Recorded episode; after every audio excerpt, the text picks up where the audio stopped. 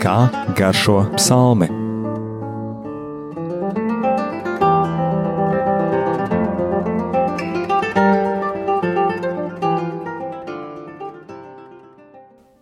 Lai slavēts Jēzus Kristus. Mūžīgi mūžos slavēts. Studijā Stela. Un Anģela. Šodien mēs it kā pakāpsimies nedaudz atpakaļ otrajā psalmu grāmatā mēģināsim izgaršot kāds saturs, tad ir ieslēpts diezgan pazīstamā psalmā, 51. jeb grievu tulkojumā 50. psalmā, kurš ir Dāvida grēksūdzes lūkšana. Un no tālākā konteksta varam saprast, ka acīm redzot, autors tik tiešām ir bijis pats Dāvids, un varam pat apbrīnot tādu viņa uzdrošināšanos dziesmā, izstāstīt savu grēku nožēlu un atklāt, kā tur īsti ir bijis. Un šis psalms paver vēl vārtus uz vēsturiskiem notikumiem vecajā derībā, Dāvida paša dzīvē, un reizē arī uzdod jautājumus kāpēc tieši tā notika, vai Dāvidam būtu bijusi kāda iespēja ar milzīgu gribas spēku to savu tieksmi pārvarēt, vai nē.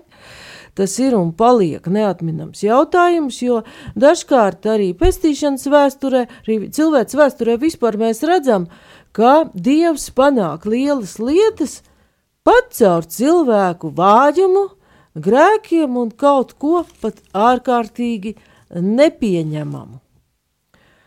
Un mēs lasām, ka tā ir Dāvida dziesma, dziedātāja vadonim, tātad rakstīta kora vadītājam un dziedama pat kopā ar kādiem dziedātājiem, ansambli vai kori.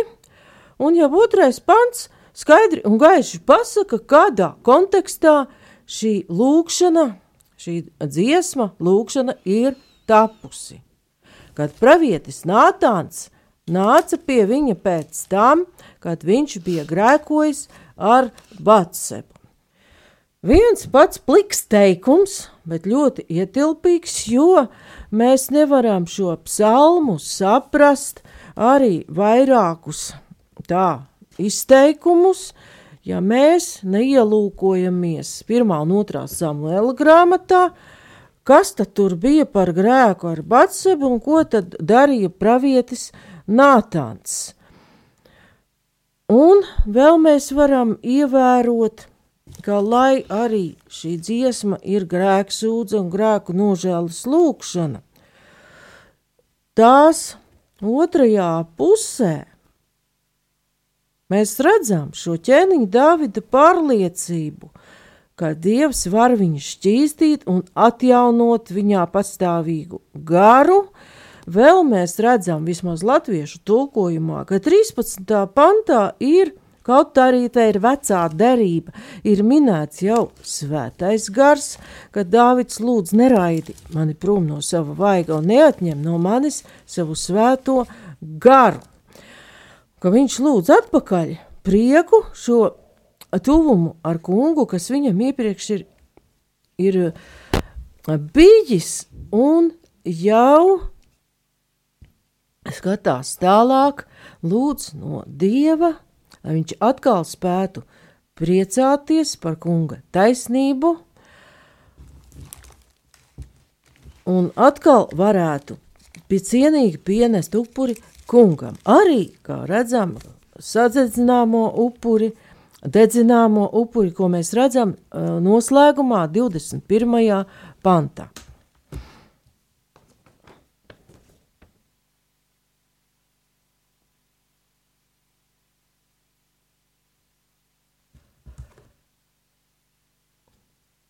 Lai sāktu tuvāk iepazīties ar šo psalmu un saprastu ķēniņa saucienu uz kungu un arī viņa nožēlu, un šo īso teikumu mums ir jāatkāpjas atpakaļ vecajā derībā uz otro samuēla grāmatu, 11. un 12. nodaļu,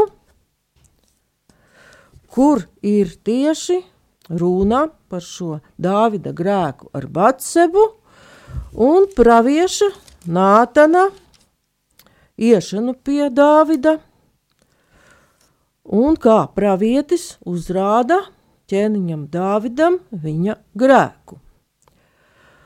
Un mēs varam atcerēties vēl kādu ķēniņu no jaunās derības. Kā atkal redzam, cik cieši ir saistīti raksti, jaunā derība un vecā derība. Un arī tur, jaunajā derībā, mēs varam evaņģēlijos lasīt par kādu pravieti, kuru dažkārt dēvē par vecās derības pēdējo pravieti, kurš arī uzrāda ķēniņam līdzīga veida grēku. Tad varam atcerēties Hērodu un Jāni Kristītāju. Un, bet te starp abiem ķēniņiem ir milzīga starpība. Ķēniņš Dāvids bija spējīgs saprast, ka ir grēkojis, uzklausīt pravieti un pieņemt šo pravieša sludināto vārdu un nožēlot grēku. Un, ja mēs uh, vairāk iedziļinātos tieši otrajā samajā grāmatā šajās nodaļās, tad mēs redzētu, kā ar to viņš tomēr paliek uh, dzīvs. Bet ķēniņš Hērods Kaut arī viņam sirdsapziņa nedaudz izrādīja kādas dzīvības pazīmes, tomēr padevās apkārtējo spiedienam, un šo pravieti, kas viņam uzrādīja, ka viņš nedrīkst pie sevis paturēt brāļu sievu, nodeva nāvei. Tātad redzam divus varas nesējus un pilnīgi dažādu attieksmi pret cilvēkiem, kas viņiem saka patiesību. Un varam izdarīt arī vienu secinājumu, ka teikt patiesību var dažkārt būt diezgan nērti un pat uh, tas var apdraudēt dzīvību. Bet pievēršoties Dāvidam un Batsebai. 11. nodaļā, 2. samēla grāmatā, mēs redzam, kādos apstākļos tad viss šī nelaime sākās. Izraēla karaspēks aiziet karot, Dāvids, cim redzot, ir palicis, jā, pats palika Jeruzalemē. Un kādā vakarā notika, kad Dāvids piecēlās no savas guļvietas un pastaigājās šurpu turpu pa ķēniņa nama jumtu, un viņš ieraudzīja no nama jumta zemāk lejā kādu sievu mazgājamies. Šī sieva bija neparasti skaista izskata, un Dāvids nosūtīja ļaudis un lika tiem apvaicāties – kā sieva viņa ir, un viņam tika pateikts, ka tā ir Batseba, Elijāma meita, Hetieša Ūrijas sieva. Tad Dāvids sūtīja vēstnešus un lika to atvest, un tā nāca pie viņa, un viņš pie tās gulēja, un kad tā bija no savas nešķīstības nomazgājusies, tad viņa atgriezās atpakaļ namā. Daži panti, bet pateikts ir viss iespējamais par šo Dāvida grēku. Varam teikt, patiešām vairāk tas ir Dāvida grēks, un redzam, ka svētie raksti varbūt atšķirībā no daudzām epizodēm vēsturē un vēlāk. Svētie raksti šeit uzsver vīriešu atbildību, tam valdnieka atbildību. Un Redzam, ka Dāvids uzvedās tā kā tāds bērns. Tā sieva ir neparasti skaista izskata, viņš ir valdnieks, viņam ir vara, man vajag. Un, protams, rodas jautājums, vai tad Dāvids bija tik ļoti nabadzīgs ar sievietēm, ar sievām, un arī tur svētie raksti atbild, ka nebūtu, nē, mēs varam atcerēties arī ka viņam kādu laiku sieva bija Mihala, Saula meita, kura Dāvidu apsmēja par prieka izteikšanu ar deju derības šķirsta priekšā, un vēl mēs varam lasīt arī citās rakstu vietās, ka Dāvids ir ņēmis blakus sievas, tā kā piemēram 2. samuēla 5.13.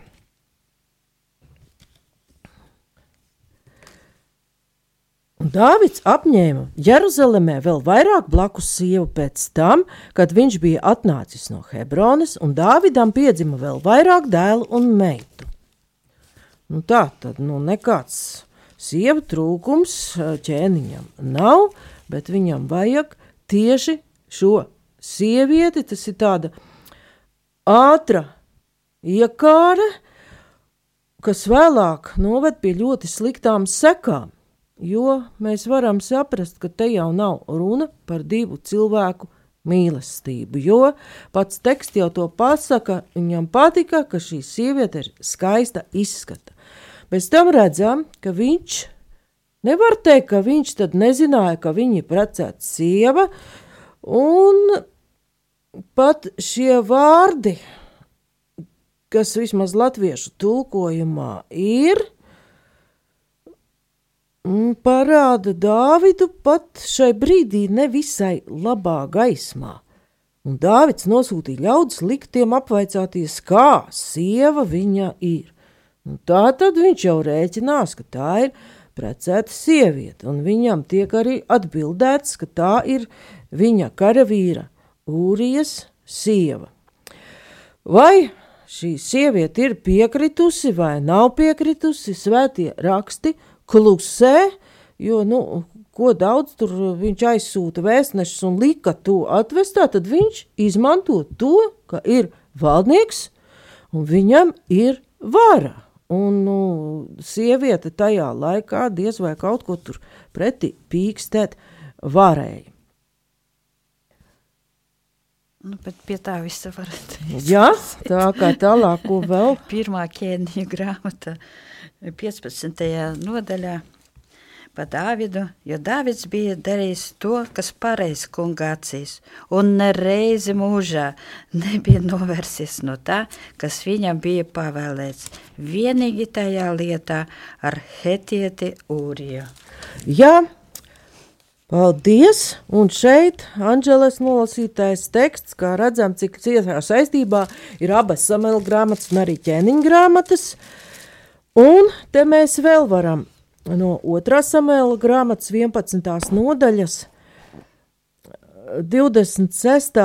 panta un 27. panta mazliet vairāk saprast, ka tomēr Cīm redzot, Batsebai nebija nemaz tik vienkārši šis notikums ar ķēniņu Dāvidu, jo lasām, kad Ūrija sieva dzirdēja, ka viņas vīrs Ūrija bija miris, tad tā sēroja par savu laulāto draugu.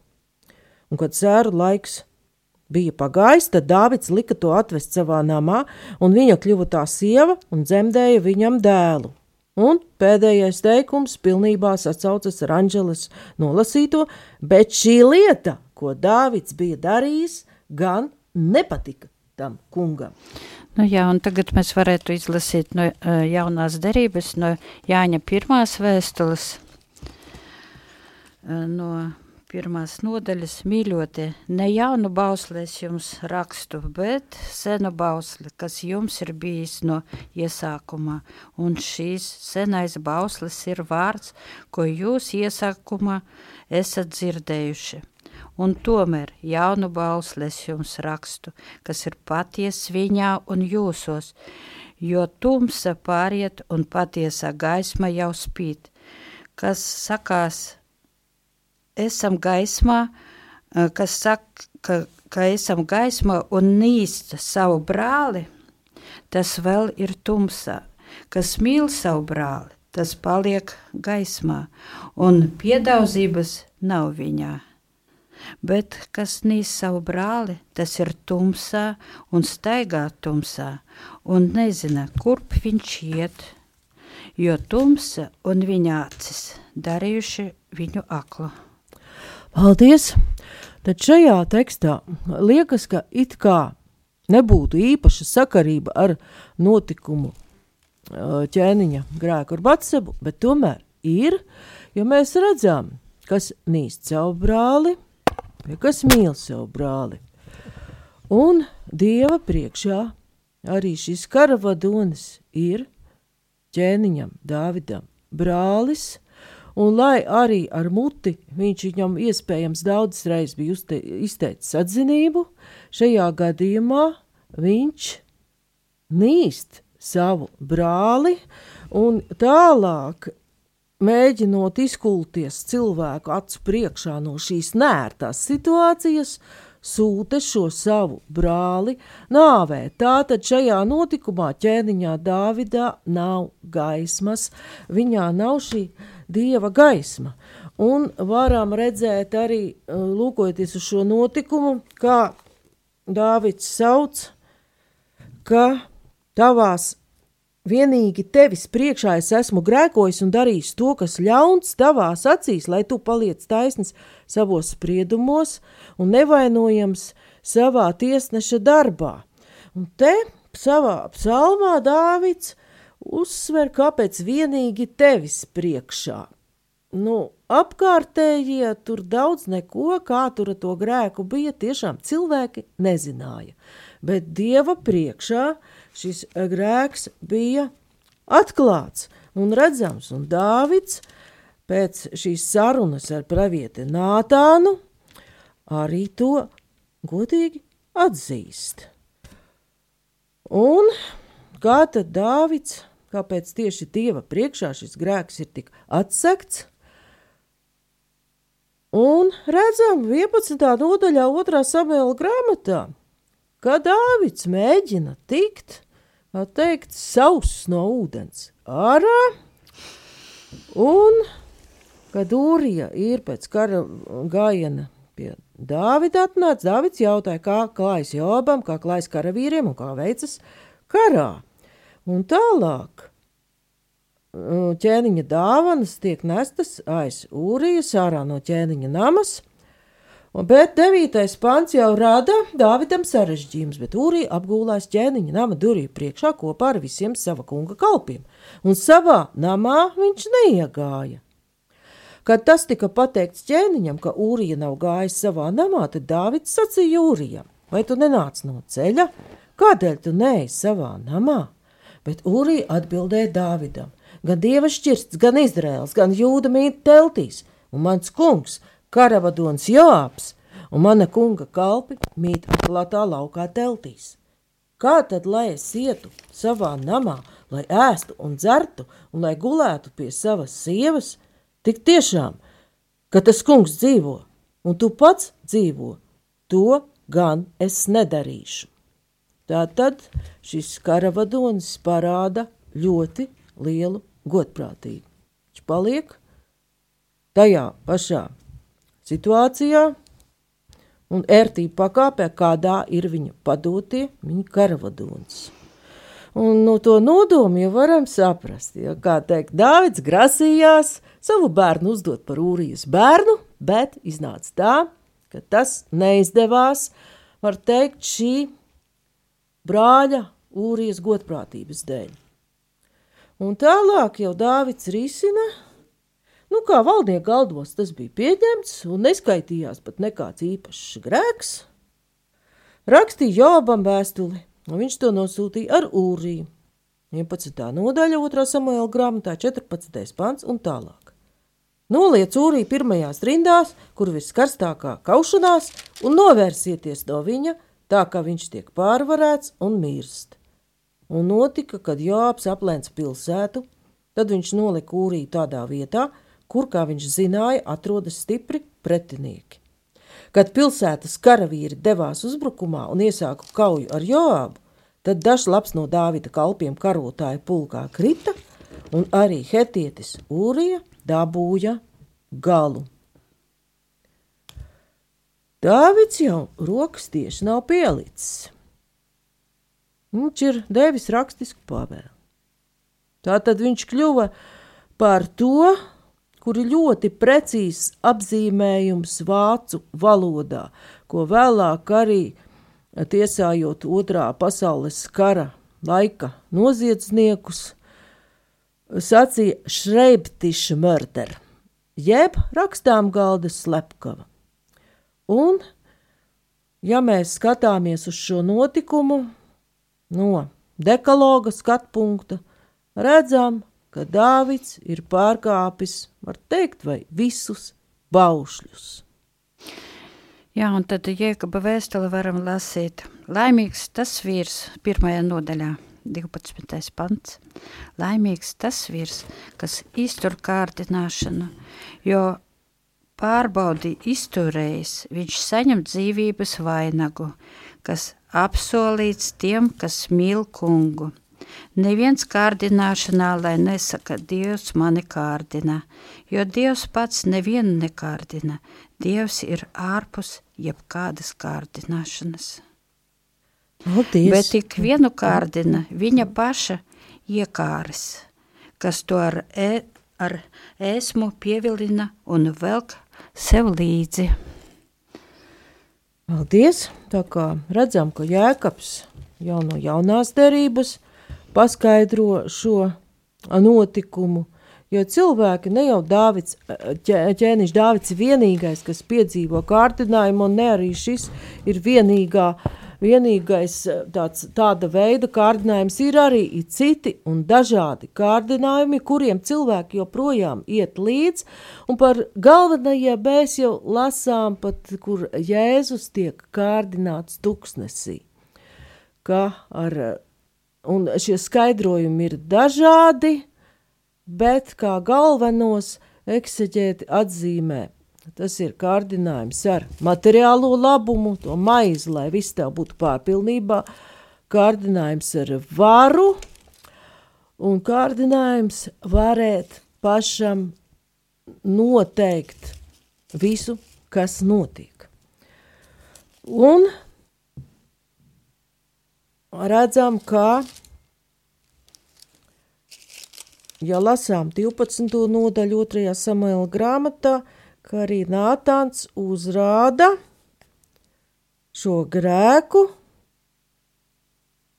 un saka 12. pantā, jo to, ko tu esi darījis slepeni, to es atdarīšu visa Izraela priekšā un mirdzošas saules gaismā. Un šeit Šis vārds es ir rakstīts ar lielo burtu, tā tad Nātāns runā pa kungu, kurš atlās grēku visu Izraela priekšā, un liekas, kāpēc tik bargi, un liekas tik dramatiski visai tautai. Dāvids bija valdnieks, viņš bija atbildīgs par šo tautu, viņš bija iecelts tai par ganu un viens no viņa gadāmajiem un viņa šim ģēriem bija arī hetietis Ūrija, kurš viņam palika uzticams. Un Dāvids sacīja Nātānam, es esmu grēkojis pret to kungu. Un Nātāns atbildēja Dāvidam, tad nu tas kungs arī tavus grēkus piedod, tev nebūs mirt, bet Tāpēc, ka tu ar šo darbu esi tiešām devis iemeslu tā kunga ienaidniekiem viņu zaimot. Tāpēc arī dēlam, kas tev dzimis, neglābjami ir jāmirst. Un te mēs parādam, parādās vēl, mēs redzam tādu lietu, ka šis dieva likuma pārkāpums, ja ir citiem redzams, ja to izdara atbildīga persona, viņš velk līdz arī šo ieļaunojumu pret šo ticību, kuru pārstāv šis atbildīgais cilvēks. Nu, šeit arī varētu mēs izlasīt no evaņģēlija, Lūkas evaņģēlija līdzību par pazudušo dēlu, ja? un mēs viņu laikam visi ļoti labi atceramies, un 17. pantā varam lasīt, attapies viņš dēls, ja, sacīja, cik daudz algaģu ir manam tēvam, kuri pārpilnā ēd maizi, bet es te mirstu badā, es celšos un iešu pie sava tēva un sacīšu viņam, tēvs, es esmu apgrēkojies pret debesīm un pret tevi. Es vairs neesmu cienīgs saukties par tavu dēlu pieņem mani par vienu no saviem algāčiem. Un viņš cēlās un gāja pie sava tēva, viņa vēl tālu esot, tevs viņu ieraudzīja. Un iežēlojās par viņu, un pieskrējas klāt, krita viņam ar ap kaklu un skūpstīja. Dēls viņam sacīja, Tēvs, es esmu apgrēkojies pret debesīm un pret tevi. Es neesmu vairs cienīgs saukties par tavu dēlu, bet Tevs teica saviem kalpiem: ātri atnesiet vislabāko tērpu un apģērbiet viņu un velciet viņam pirkstā redzenu un apavus kājās. Paldies! Tā tad arī šajā notikumā ar pazudušo dēlu ir šis atgriešanās stāsts. Tāpat kā Dāvids nožēlo grēku Nātāna priekšā un atzīst savu vainu, Dāvids, kaut arī viņš nezaudē ne varu un ne, nevienu brīdi viņš ar cūkām sēnāls nēd, ja vien varam saprast, ka viņš sēnāls ēda garīgā nozīmē, ka viņš grēko. Viņš saprot, ka viņam ir vajadzīga šī dieva piedošana un iet atpakaļ. Vienīgi mēs varam varbūt redzēt atšķirību, ka vecajā derībā Dāvids tomēr tiek diezgan bargi sodīts. Viņa dēls ieņem šajā grēkā mirst. Bet jaunajā derībā šī di dieva mīlestība, kas ir izteikta ar šo tēvu, kurš sagaida, ir jau tik pilnīga un parādās tik pilnīgi, ka nekādi noteikumi vai arī kāds sots nav, tās sekas neparādās. Tās sekas jau ir pati šī nožēla, tēvs pieņem šo dēlu savos apskāvienos. Un arī Davida psalmā mēs redzam šo viņa nostāju, ka viņš ir uh, gatavs atkal saņemt šo tēva, jeb dieva mīlestību, kad atdod man atpakaļ savas pestīšanas prieku un stiprini mani ar paklausības garu. Desmitais pāns psalmā liec man atkal baudīt prieku un labsajūtu, lai līksmojas kauli, kurus tu esi man salauzījis.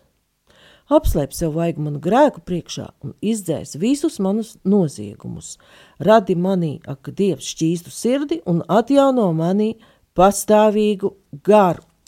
No šo pastāvīgo garu mēs varam saprast, ka Dāvids apzinās, ka viņš nav uzturējis pietiekoši šo pastāvīgo garu un ka bez Dieva svētā gara klātbūtnes viņš pats īsti to nespēja. Un vēl tur ir daži tādi izteikumi, kas dažkārt varētu radīt neizpratni vai pat nepareizu saprašanu.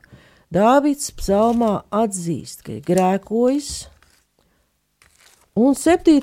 pantā viņš atzīst redzi, vainas apziņā es esmu dzemdināts un grēkos, Māte mani ir ieņēmusi. Redzi, tev patīk patiesība, kas apslēptas ir dziļumos, un tu māci man noslēpumos izprast gudrību. Un dažkārt varētu likties, ka te ir teikts, ka bezmaz vai laulāto dzīve, kurā rodas jauna dzīvība, ir kaut kāda nešķīstība vai grēks. Bet te ir pateikts, ka pavisam kas cits, ka kopš grēkā krišanas ēdenes dārzā, kad cilvēks tiek ieģerts ādās, ko var saprast arī, ka tad viņa miesa, ķermenis jau iegūst to veidu, kāds tas tagad ir, ar visu mūsu ādu, muskuļiem un visu mūsu slimībām un veselībām. Viss šis dzīvības tālāk nodošanas process, vīrieša un sievietes dzīve, viņu laulība jau notiek ārpus šīs tiešās dieva klātbūtnes, ārpus šī viņa dārza, ārpus šīs viņa svētuma sfēras. Jau pirmdzimtā grēka iespējā, kurš pāriet no cilvēku uz cilvēku, pauģu paudzēs līdz pat mūsu dienām. Tātad psalms runā tieši par to. Un vēl mēs varam redzēt, ka Dāvids ir, jau gaida arī šo prieku un labsajūtu, ko es jau pieminēju. Tā tad jau svētie raksti pasaka, ka labsajūta un prieks ir normāls dieva cilvēka stāvoklis un kā tāds ir liela dieva dāvana. Un, un Dāvids atzīst, ka šis grēks ir viņu norobežojis no labsajūtas un prieka, ka tas viņu ir salauzis. Un viņš vēlas būt arī stiprināts ar paklausības garu. Un 15. pants. Es mācīšu pārkāpējiem tavus ceļus, lai grēcinieki atgriežas pie tevis. Nu, liekas, nu, tāds laulības pārkāpējs, slepkavnieks, cita mantas piesavinātājs, jo vecās derības laikā nu, sieva arī bija kā vīra īpašums. Ko viņš var mācīt? Viņš var gan mācīt, viņš var mācīt, izstāstot šo savu pieredzi un par savu atgriešanās ceļu. Arī tad arī varētu izlasīt uh, Pāvila vēstuli Efeziešiem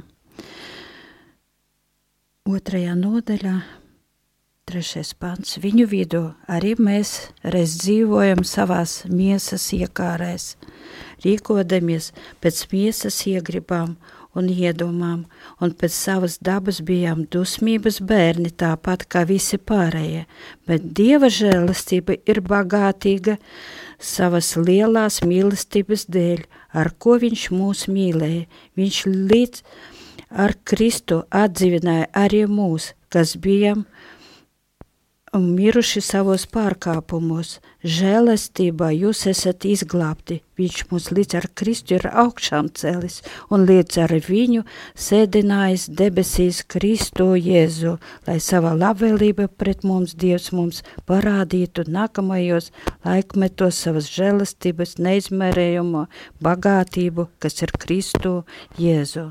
Paldies! Kā tur ir jau izvērsti pateikts tas, par ko runā pats psalmists. 51. panta, 4. pantā mazgā mani pavisam tīru no manas noziedzības un šķīstīja mani no maniem grēkiem. Un pirms viņš grib baudīt atkal prieku, viņš 9. pantā saka, šķīstīja mani no grēkiem ar izapu, lai es topu šķīsts, mazgā mani, lai es topu baltāks par sniegu. Tad divreiz ir vārds mazgāt un mazgāt. Kur tad mēs varam tikt mazgāti? Mazgā jau parasti ūdenī. Tā tad tā ļoti slēptā veidā jau varam nolasīt norādījumu uz kristību, kura atnāk pie cilvēkiem jau reizē ar Jēzu Kristu. Un vēl mēs te redzam to īzapu. Tas ir gan garš augs, gan ārstniecības augs. Tātad Dāvids lūdz šo ārstēšanu no grēka slimības.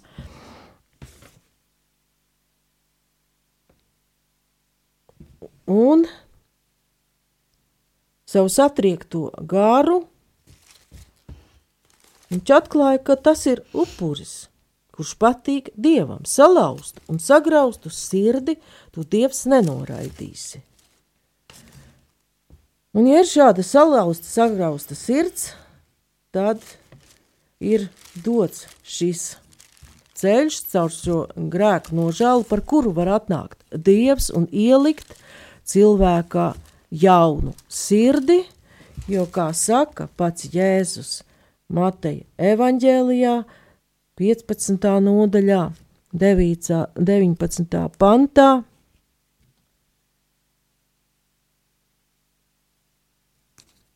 Pat no 18. mēs varam lasīt, bet kas no mutes izniek, tas nāk no sirds, un tas sagāna cilvēku. Jo no sirds iziet ļaunas domas, slepkavība, laulības pārkāpšana, nešķīstība, zādzība, nepatiesa liecība, zaimi. Tas viss sagāna cilvēku, bet ēšana ar nemazgātām rokām cilvēku nesakāna. Var teikt, ka šeit mēs redzam no šī Jēzus izteikuma šo Dāvida situāciju, kādā viņš bija nonācis.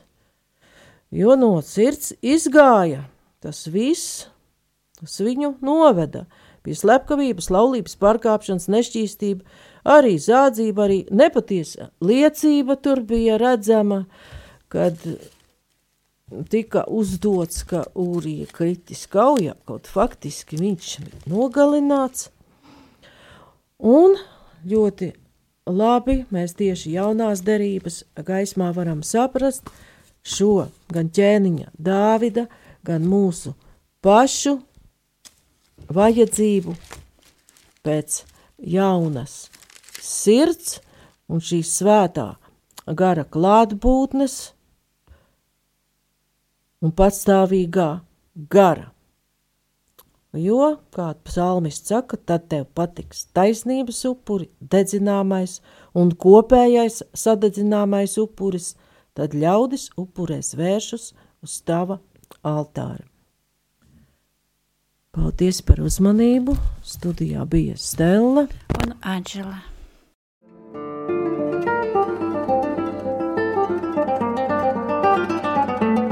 Kā garšo psalmi?